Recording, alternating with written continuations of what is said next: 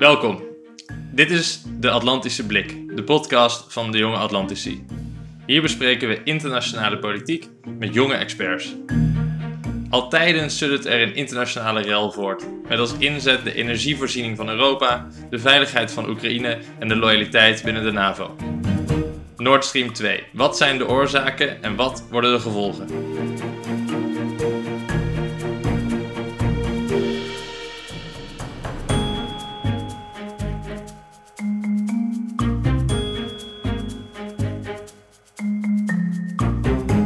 Praat vandaag met Tom Schoen. Tom, leuk dat je er bent. Dankjewel, leuk dat ik er mag zijn. Ja, je bent analist van overheidsrelaties bij eh, Krijger en Partners. Mhm. Dat is een nou, soort van consulting eh, maatschappij die zich bezighoudt met international relations. Ja. Klopt dat? Ja, zeker. En eh, je bent ook aan het afstuderen, toch? Precies. Waar studeer je af? Ik studeer af in... ja, mensen vragen aan mij wel eens, wat, wat ben je als je klaar bent? Eh, ja, niks. nee, ik, eh, ik studeer geschiedenis van de internationale betrekkingen in Utrecht. Oké. En eh, de, de masterfase momenteel. En ik ben eigenlijk bezig nu met het schrijven van de scriptie, het eindproduct. Waar schrijf je die over? En die schrijf ik over eh, ja, crisis, een kleine crisis. Dat heeft plaatsgevonden in de jaren 20. Oké. Ehm, het gaat om olie-exploratie. En, eh, verschillende internationale bedrijven wilden in Nederlands koloniaal Indië eh, zoeken naar olie, maar ook eh, het uit de grond halen en het verkopen. Nou, daaromtrent zijn een aantal issues gespeeld. We hebben daarom gespeeld en in de jaren 20. Dus het is een echt historisch onderzoek. Er Leuk. is veel archief in, maar nog wel met een gedeelde interesse in, ja, in de olie- en gassector. Ja, want je houdt je met meer bezig dan alleen wat er daar in, eh, in Indië is gebeurd toen. Mhm. Ehm, je hebt een artikel geschreven samen met, eh, met Alex Krijger. Ja. Ehm, over een ander fossiel product, aardgas. Juist.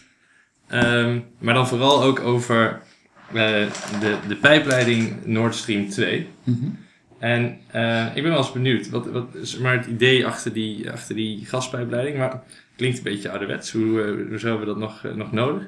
Ja, als je naar de website van Nord Stream 2 gaat, dan staat daar heel mooi onder het kopje rationaal, de, de rational. Maar waarom, waarom bouwen we dit? En dan is het antwoord omdat Europa gas nodig heeft. Oké, Dat is een heel kort antwoord, maar dat is, dat is wel een antwoord.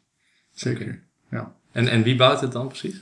Dit is een eh, project wat eh, door Gazprom wordt geleid, maar eh, vijf financiële investeerders heeft. eh, waaronder, eh, dat zijn olie- en gasbedrijven, waaronder het Nederlandse, Britse Shell. Ja. Dutch Shell doet daarin mee. Ehm, Want het gaat, het gaat om een pijpleiding die, die van Rusland naar Europa gaat. Ja. Toch? Ja.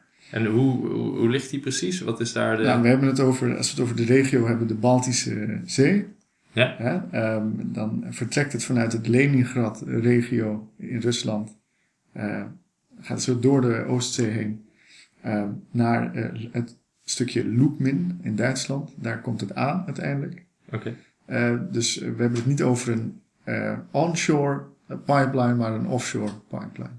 Dus in de zee. Oké. En, en is dat dan makkelijker om dat door de zee te leggen? Of eh, Het is wel kan dat niet over land? Het kan zeker over land, maar eh, dit is een. eh, ja, dan komen we eigenlijk al gelijk bij het hele punt. Er is hiervoor gekozen om juist niet meer via een bepaalde route over land te gaan. Oké. En het is inderdaad wel moeilijker en het is ook duurder hè, om het door de zee te laten aanleggen, zoals je je kan voorstellen. Want waarom eh, willen we dit niet over land hebben? Of eh, wie wil dit niet over land hebben? Ja, de, voor, eh, historisch gezien liep, liep Russisch gas, hè, want daar hebben we het over. Het gaat om Russisch gas dat in West-Europa voornamelijk wordt gekocht. Historisch gezien liepen die pijpleidingen altijd over land, door Oekraïne heen. Ja. Ehm, er is overigens al een eerste Nord Stream gebouwd. In, die is in 2011 klaar eh, gemaakt. Ehm, toen speelde dit ook al een, eh, een issue, hè, Nord Stream. Ehm, maar nu willen ze er nog eentje bouwen. En in totaal, dus Nord Stream 1 en 2, zou dan rond de 110 miljard kubieke gas, Russisch gas, kunnen eh, ja, verplaatsen. Dat is bijna ik het heel even zwart-wit zeg, de totale hoeveelheid wat er door, nu nog door Oekraïne zou kunnen lopen. Oké. Want is het dan een vervanging van die pijpleidingen die in Oekraïne liggen? Of is het ook dat we meer gas nodig hebben in Europa? Ehm, dat zijn twee vragen. Eh, de eerste, even kijken hoor. Ehm, kijk, dus wat ik zei, historisch gezien liepen die pijpleidingen over land. Ehm, voornamelijk door Oekraïne, wat als transitland geldt. Dus daar, daar eh, ja, loopt de pijpleiding door. Eh, wat krijgt daar land zo van? Eh, Zo'n land zoals Oekraïne krijgt daarin transit fees, dus inkomsten, om Gazprom hun pijpleidingen te laten lopen door Oekraïne. Ja. Eh, dat zal met een Nord Stream 2 eh, minder nodig zijn, die, die, eh, die landpijpleidingen. Oké. En dat is het eh, grote euvel hier. eh, want eh, verschillende Europese spelers willen graag dat Oekraïne die rol behoudt, die rol van transitspeler. Ehm, maar een Gazprom, zoals je kan voorstellen, die eh, zou dat niet willen, niet meer. Eh, die wil het liefst gewoon gas eh, uninterrupted, onafgebroken willen Ja. leveren aan West-Europa, aan hun cliënten. ja, want de Russen die zijn het liefst niet in Oekraïne met iets waar ze van afhankelijk zijn. Ja, precies. Eh, er zijn een aantal gasruzies geweest in 2006, 9 en eh, 14 ehm, tussen Oekraïne en Rusland, tussen Gazprom en Naftogaz. Naftogaz is het Oekraïense ehm, bedrijf, olie- en gasbedrijf. Ehm, en eh, ja, die disputen hebben op een gegeven moment eh, problemen opgeleverd met de levering van gas aan Midden- en West-Europa. Oké. Dus om dat te voorkomen is het voor een speler als Gazprom natuurlijk ideaal om onafgebroken gas te kunnen leveren aan hun cliënten. eh, Ja. Zonder En die afnemers in Europa, die zullen daar vast ook niet een bezwaar tegen hebben dat er eh, nou ja, hogere betrouwbaarheid is van de Nee, leverantie. ja, je zou kunnen zeggen inderdaad, zij willen het gas eh, zo, zo, zo succesvol en efficiënt mogelijk. Ja, Eh, dan hebben we het puur praktisch gezien. Natuurlijk is nog de politieke kant wat Oekraïne juist belangrijk maakt voor zeker de Europese Unie. Ja want er is politiek nogal wat om te doen, hè? Ja. Goed, nou ja, ik weet, ik weet natuurlijk de geschiedenis van eh, eh, de Russische acties op, eh, op de Krim. Mhm. Ehm, het voelt voor mij wat tegenstrijdig om dan nu te zeggen van... hé, hey, ehm, laten we een afhankelijkheid van Rusland in Oekraïne... van Oekraïne afpakken als West-Europa. Mhm. Wat voor problemen levert dat allemaal op? Of is het nog veel breder dan dat? Als we de, eh, het belang van Oekraïne wegnemen door Nord Stream te bouwen, Ja, Ehm, ja, dat, eh, er zijn een aantal spelers eh, die, daarop, die dat aankaarten. Van goh, als Oekraïne geen onderdeel meer speelt eh, in die Russische Europese gasrelaties, dan zou het wel eens kunnen zijn dat eh, Oekraïne vergeten wordt, heel, heel zwart-wit gezegd. En eh, Rusland meer zou kunnen uithalen in Oekraïne, zonder dat daar West-Europa of andere Europese afnemers van Russisch gas daar erg in hebben. ja. Ja, dus de, dat is de grootste angst voor eh, En toch zijn er dan heel veel landen in, in Europa die zeggen van... nou, dit is geen politieke zaak. Dit is puur commercieel. commercieel. Ja. Ja, Ja, we- Nederland is daar één land van, wat eh, voornamelijk zegt: eh, Goh, dit is een commercieel project met private bedrijven. Zij kopen Russisch gas in, verhandelen dat. Dat is Ja. niet de overheid. Dus dat wordt gestuurd en gedreven door het bedrijfsleven. En die moeten vooral doen wat ze, wat ze moeten doen. En Nederland zie je, die volgt daarin toch wel de Duitse lijn. oké. Het is een commercieel project. Tuurlijk snappen we dat het eh, politieke implicaties heeft en die nemen we ook serieus. Maar ja, misschien niet serieus genoeg om die pijpleiding eh, de nek om te draaien. Wat eh, spelers als Amerika wel graag zien gebeuren. Oké. Veel aan de hand. Zeker. Ik wil toch nog even terug naar het begin. Want jullie schrijven in je artikel ook over de import gap. Ja. Ehm, kun je daar eens wat over vertellen? Wat, wat is dat, zo'n import gap? En Ja, wat is een import? eh, de import gap eh, wat gas betreft in Europa is, eh, die is er eigenlijk altijd. Kijk, de behoefte aan gas in Europa is, is heel groot. Eh, Europa zelf produceert eh, niet genoeg om, om dat allemaal te eh, vullen, hè, die vraag. Om daaraan te voldoen. Dus heb je altijd als Europa zijnde import nodig. Ja. Import van gas. Is dat nog toegenomen de laatste tijd? Omdat wij dan hier in Nederland ook wel wat andere dingen doen bijvoorbeeld? Of- Ja, absoluut. door het wegvallen van onder andere Groningen, wat op het punt staat om steeds minder te worden. Het schijnt dat dat eh, rond 2022 eh, van 40 biljard kubieke meter, miljard kubieke meter naar 12 gaat. En uiteindelijk in 2030 op nul. Ja. Eh, dus dat zal wegvallen. Dat zal, voor, dat zal die import gap, hè, het gat van het import vullen, groter maken. Dus er moet dan, dan moet dat iets worden opgevuld. Dus minder Nederlands gas, dus meer behoefte aan Aan, ja, ander gas. Aan ander gas, ja. En, en eh, het Verenigd Koninkrijk was ook altijd een belangrijke eh, eh, gasleverancier. En dat eh, wordt ook steeds minder.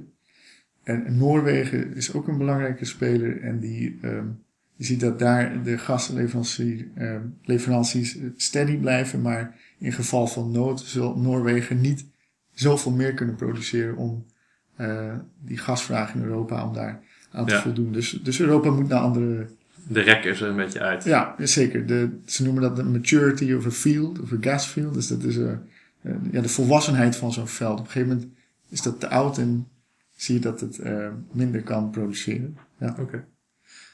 Want dat geeft die behoefte voor ander gas. Mhm.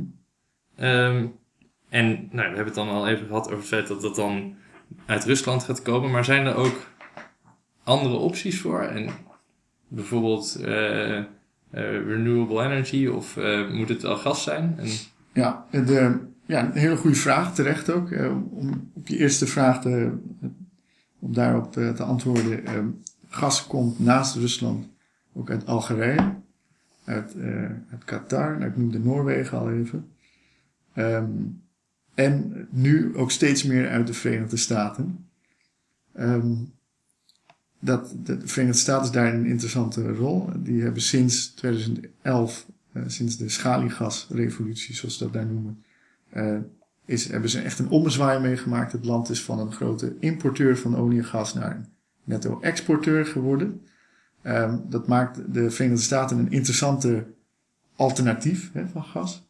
ja, Wat zij doen is het gas uit de grond halen om dat uiteindelijk te kunnen verplaatsen naar Europa. Gaan ze geen pijpleiding bouwen, dat zou wel heel heftig zijn, maar ze gaan het verschepen. Dus wat ze met dat gas doen, is het eh, vloeibaar maken, zodat het eh compressed in, in van die eh, grote tankers kan. Ja, ze varen gewoon bootjes op en neer. Ja, ze varen bootjes op en neer. Het probleem daarmee is dat, dat eh, Amerikaanse gas dus wat eh, duurder is dan Russisch gas. Oké, Dus minder competitief is op die Europese gasmarkt. Dus dat zou een alternatief kunnen zijn. Dan noemde je als tweede ja, renewables. Hè. Is, is dat niet een alternatief? Ehm, en, en waarom gas eigenlijk? We willen toch allemaal zo liefst eh, zonne-energie. ja, ik hoor elke keer van eh, onze regering dat we allemaal onze boiler moeten inleveren. Ja. En, eh, Ja, ik, ik denk eerlijk gezegd dat dit ook een probleem is met wel de ambitie hebben, maar misschien niet heel veel realiteitszin. Oké, Ehm, natuurlijk zou het mooi zijn als we allemaal van fossil fuel af kunnen en aardgas kunnen laten voor wat het is. Maar dat is helaas niet zo. Eh, de renewables kunnen, nemen nog niet een zodanig grote plek in in onze energiemix dat wij aardgas eh, kunnen weren uit die energiemix. Aardgas is al, zeker voor eh, belangrijke spelers als Duitsland, wordt dat gezien als een transitie-energie. Om van een volledig fossiele, op fossiel brandstof eh, gerunde economie, om dat steeds meer naar duurzame.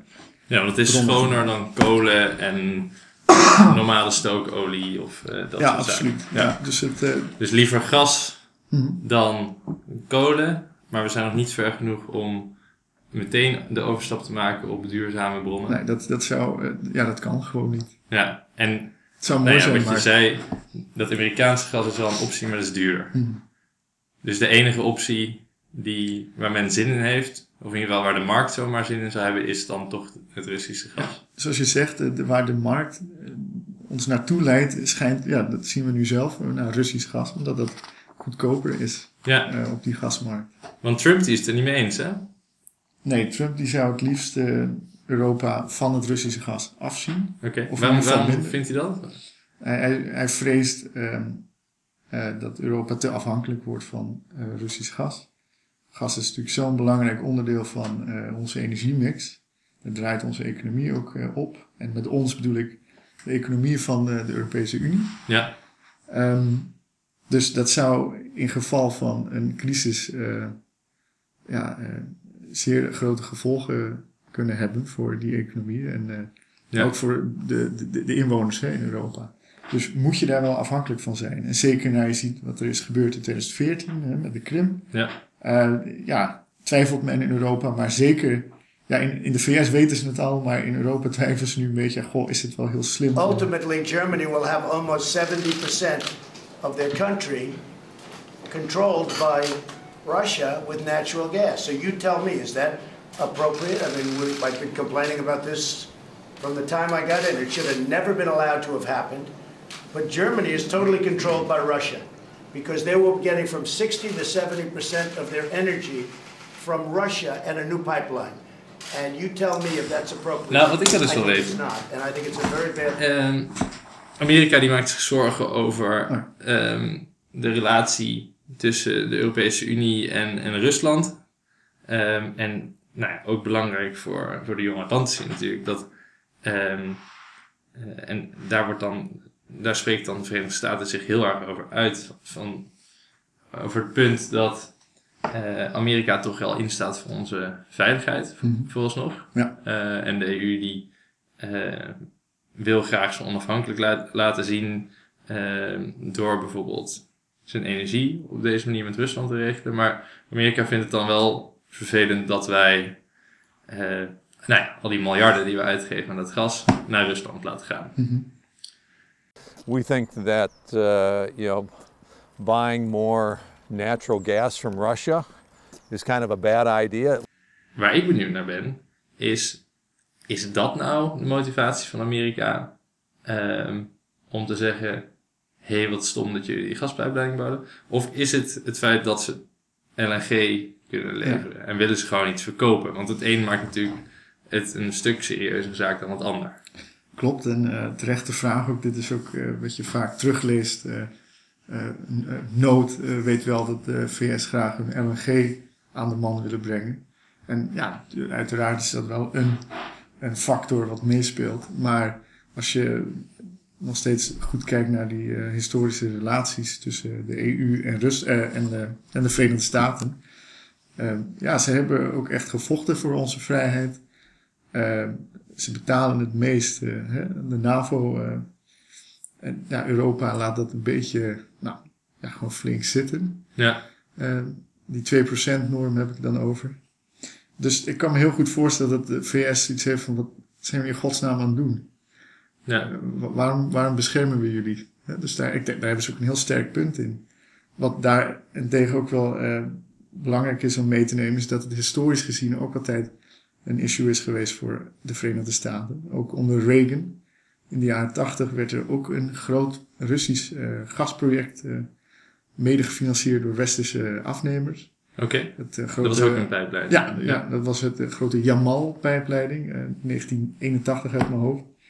En toen heeft de VS ook sancties, met sancties gedreigd. En, dus de- kijk, de- een strategisch voordeel voor de Amerikanen zou zijn als Europa bijna tot niet afhankelijk is van een Russische eh, resource, dus in dit geval gas. Ja, Zou de, zou de alliantie alleen maar sterker maken. Maar goed, je hebt te maken in Europa met eh, ook weer historische relaties. Hoe kijken de Duitsers aan tegen de Russen? Hoe kijken de Polen aan tegen de Duitsers of de Russen? ja. ja Eh, want ik begreep inderdaad ja. dat in Duitsland al meer dan eh 60% van de Duitsers het allemaal prima vonden. Die vonden het helemaal oké om eh, Oké. deze pijpleiding aan te nemen.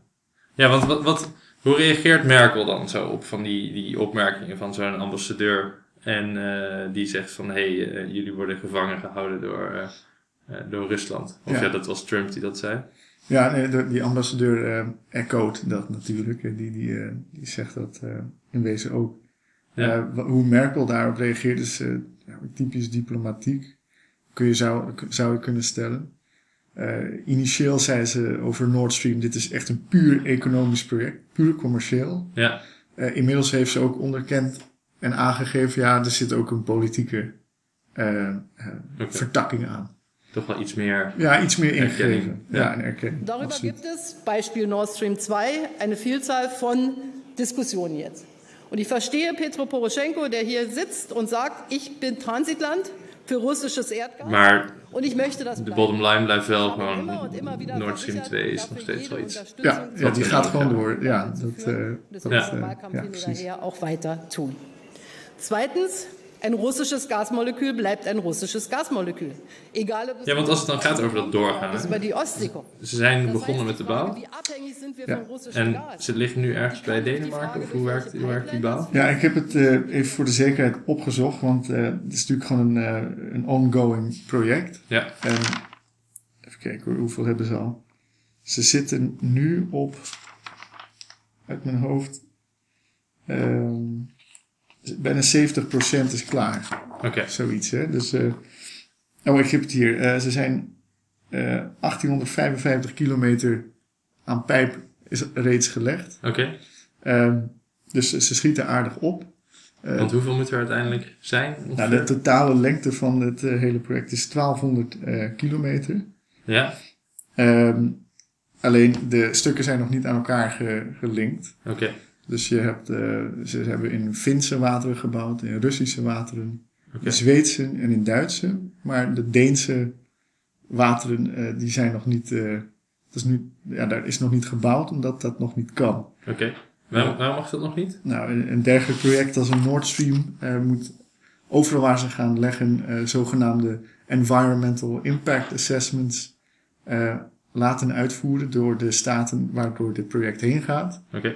Nou, ze hebben allemaal een check en een ja gekregen, een akkoord van eh, Duitsland, Rusland, Finland, Zweden. Eh, alleen Denemarken nog niet. En dat gaat dan over een onderzoek naar Nou, hoe, Ja, wat, wat voor ramp er kan ja, gebeuren. precies wat voor impact zo'n, eh, het aanleggen van zo'n pijpleiding kan hebben op het milieu. Oké. Ehm, en Denemarken die heeft deze aanvraag voor een assessment in, ingenomen. Netjes beantwoord van daar gaan we wat mee doen, dat gaan we uitzoeken. Maar tot op heden eh, nog geen akkoord gegeven. En dit zou jarenlang kunnen duren. Ehm, is mij ook verteld dat eh, environmental impact assessments, dat kan om een project een beetje te, te sturen in zowel negatieve of positieve richting. Eh, net, maar niet, hoe- net maar hoe je het ziet, eh, dat kan dat heel lang duren. Ja, want het is dan een beetje arbitrair van hoeveel vaart ze erachter zetten. Dit is... Ja, de Amerikanen zitten, eh, eh, leveren natuurlijk heel veel druk uit op de Denen van eh, dit project mag niet komen. Ja, oh, het is ook echt een politiek gemotiveerd onderzoek dan. Het gaat helemaal niet per se over het milieu. Ja, het gaat wel om het milieu, Ja, in wezen, maar achter de schermen spelen natuurlijk allemaal politieke issues. en hoe gedraagt Denemarken zich daarom nu? Denemarken voelt zich heel onwennig in deze rol. Ja, Eh, zoals je kan voorstellen, het is, een, eh, het is wel een belangrijk land, maar eh, ja, het moet nu echt een keuze maken, lijkt wel. Alle, alles valt op hun. Alle Ja. ballen op Denemarken. En dat is onwennig voor ze. Er wordt aan alle kanten getrokken. En de VS, zoals ik al zei, oefent veel druk uit. gezien het feit dat zij het niet door willen laten gaan. De Russen oefenen ook weer op hun manier druk uit daar. Dus dat, wordt- Ja. dat is ook een diplomatiek slash politiek uh, spel. high on the agenda also in Denmark, and we're really concerned about the situation uh, that is going on, trying to help and protect uh, Ukraine uh, uh, towards a more and more aggressive uh, Russia.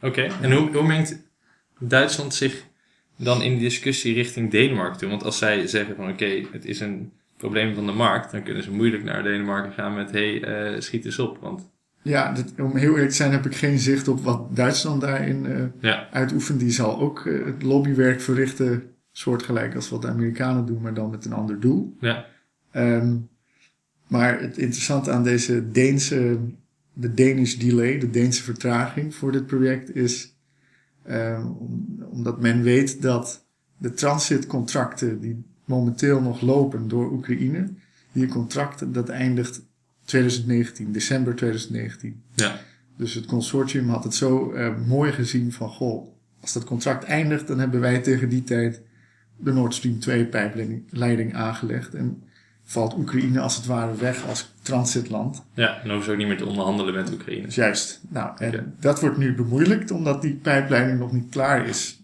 tegen die tijd. Dus wat je nu ziet is dat eh, eh, Rusland samen met de EU en Oekraïne op tafel gaan om die contracten te verlengen. Ze, ze zouden eigenlijk wel moeten.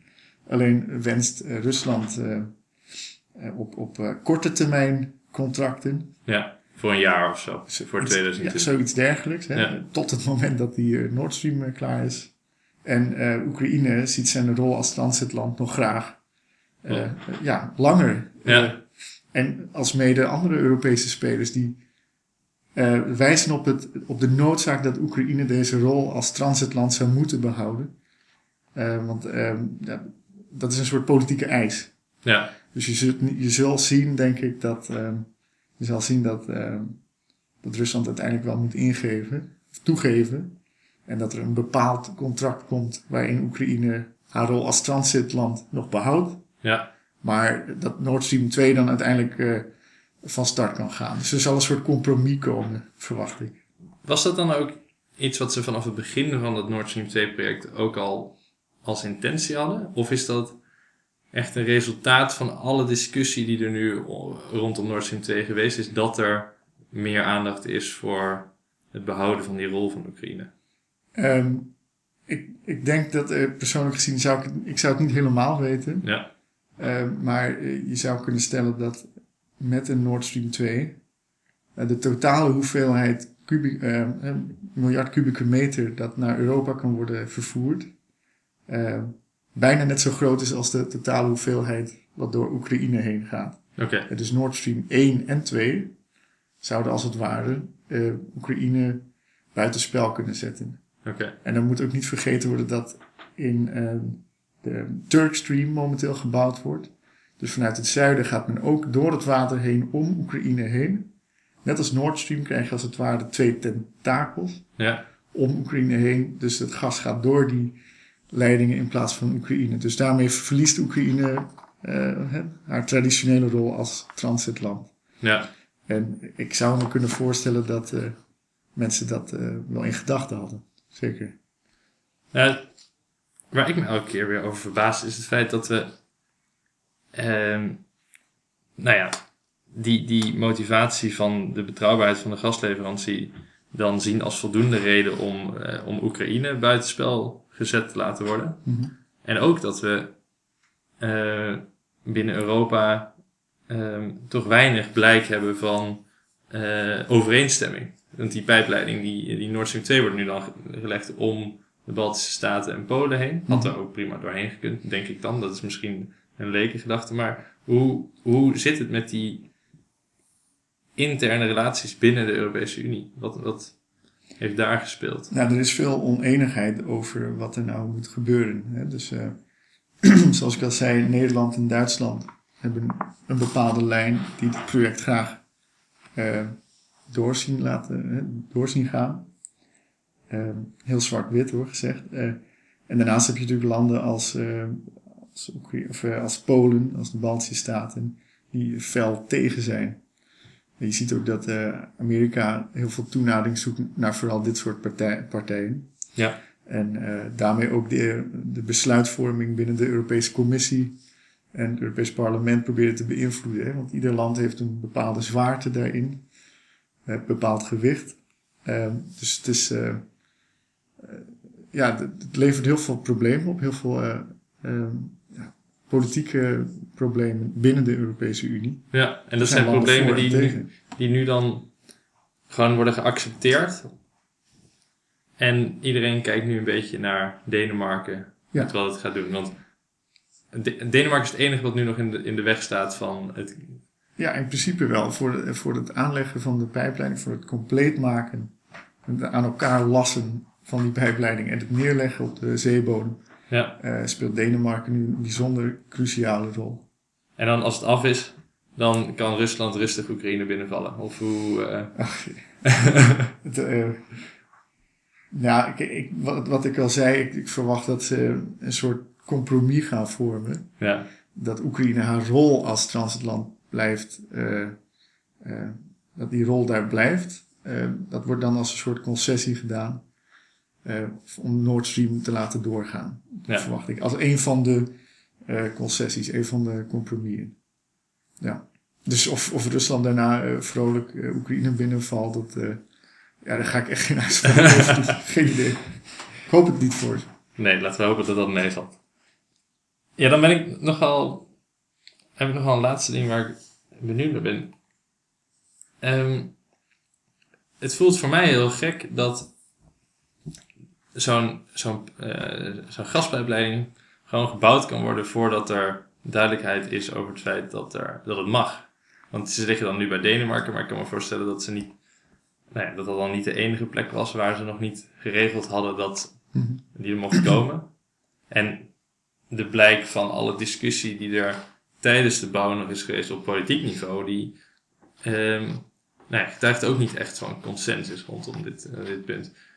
Ehm, met als gevolg dat er daar ook dan misschien een vertraging is, ehm, met kosten Ja. enzovoort. Dus Hoe, is dit gebruikelijk of is dit iets wat... Dit, eh, zeker voor eh, eh, dit soort industrieën eh, of private bedrijfsleven. Dat, kijk, hun taak, die, zij beginnen op een gegeven moment gewoon.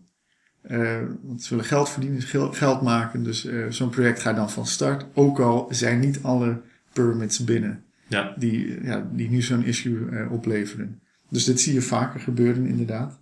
is het dan ook nog een manier om ehm, potentiële politieke problemen nou ja, voor te zijn of onder druk te zetten vanuit het bedrijfsleven? Of denk je die daar niet op die manier over na? Ja, bedrijfsleven lobbyt eh, natuurlijk altijd op, eh, op zijn of haar manier.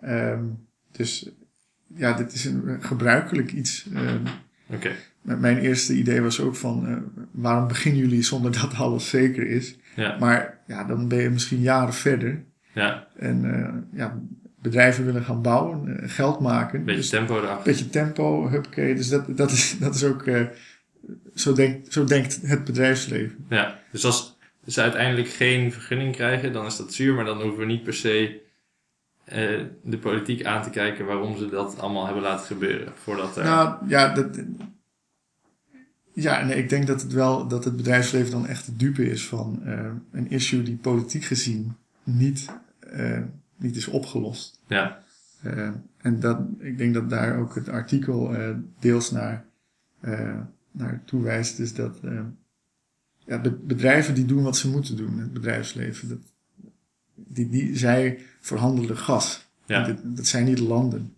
dat zijn bedrijven. Dus zij zijn met dit project gestart omdat er nu eenmaal een vraag is naar gas in Europa. Zij voldoen daaraan, eh, maar vallen nu eigenlijk tussen ja, wal en schip, zoals je kan zeggen. Eh, tussen aan de ene kant Amerikaanse sancties wellicht, ja, die zelfs zo getargeted zijn op, eh, op boten, schepen die die pijpleiding aanleggen. ja. En zelfs op personen, dus heel, heel specifiek. Dus dat hebben zij. Die, die zijn nu nog niet aan zijn- de hand, toch? Nee, die Of- zijn nu nog niet aan de hand, maar eh, dat is geïntroduceerd en dat moet nu door het hele eh wetgevingproces van de, eh, van de Amerikaanse overheid door, om dat uiteindelijk effectief te laten worden. Met de laatste handtekening van. Oké, dus die plannen die liggen er Ja. om dat te gaan doen.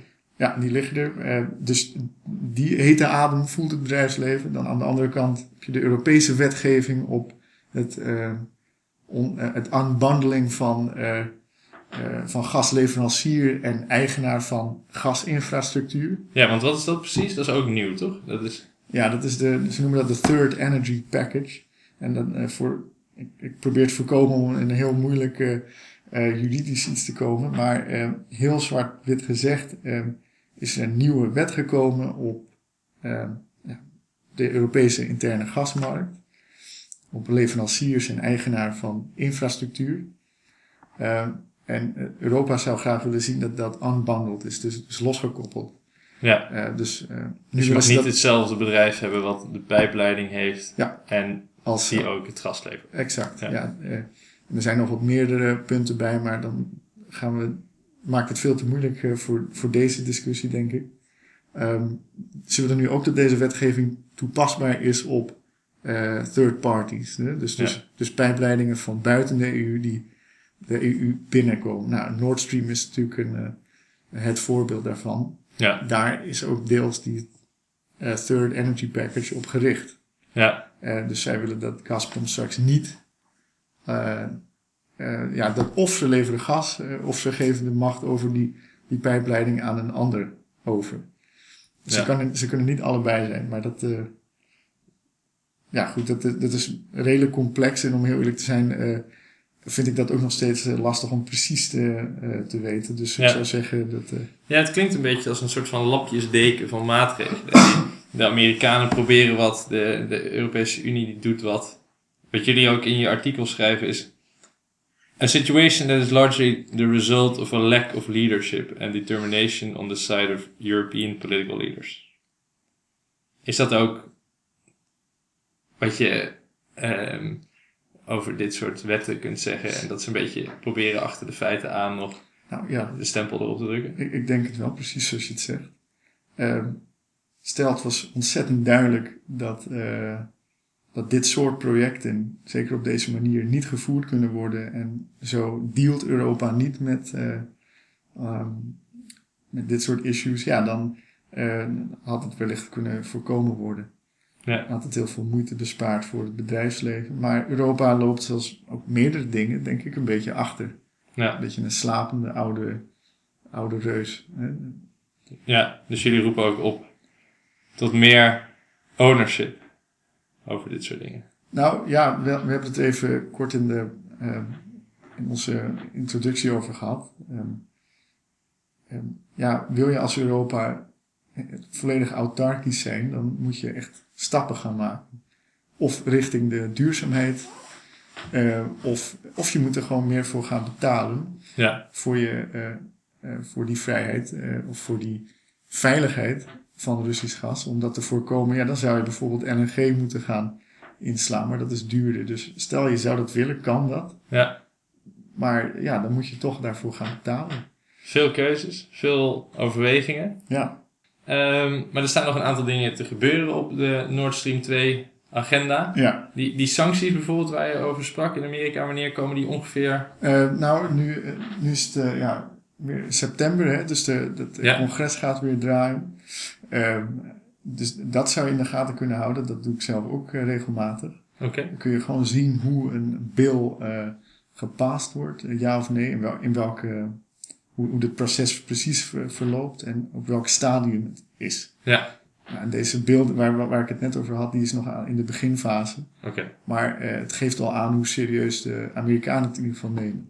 En dan nog de andere factor van eh, Oekraïne en die nieuwe onderhandelingen. Ja, Wanneer staat dat te gebeuren? eh, die, die zijn gaande. Oké, Dus eh, ik, ik, ja, ik, ik zorg dat ik die updates een beetje blijf volgen. En wat ook een boeiend eh, eh, website is, is een raam op Rusland. ja, Eh, dat ken je misschien ook wel, misschien de luisteraars ook. En dat is altijd wel een eh, betrouwbare eh, bron, vind ik zelf. dus daar kunnen ze kijken als ze dit eh, Onder andere. verder ja, willen volgen. ja hoor, ja. Tom, hartelijk dank voor je inzichten in eh, Graag dit gedaan. onderwerp. Het is een ontzettend complex eh, onderwerp. Eh, Ja, het is ontzettend leuk om eens even zo te horen wat er allemaal speelt en eh, wat er eh, nog staat te gebeuren. Veel succes met je afstuderen en eh, dankjewel voor je komst vandaag. Graag gedaan, dankjewel. Wil je meer horen over Nord Stream 2 of andere geopolitieke kwesties? Volg dan de Atlantische Blik of word lid van de Jonge Atlantici en kom naar onze evenementen. Hartelijk bedankt voor het luisteren naar deze podcast. Mijn gast vandaag was Tom Schoen en ik ben Hugo van der Heijden. Tot de volgende keer bij de Atlantische Blik.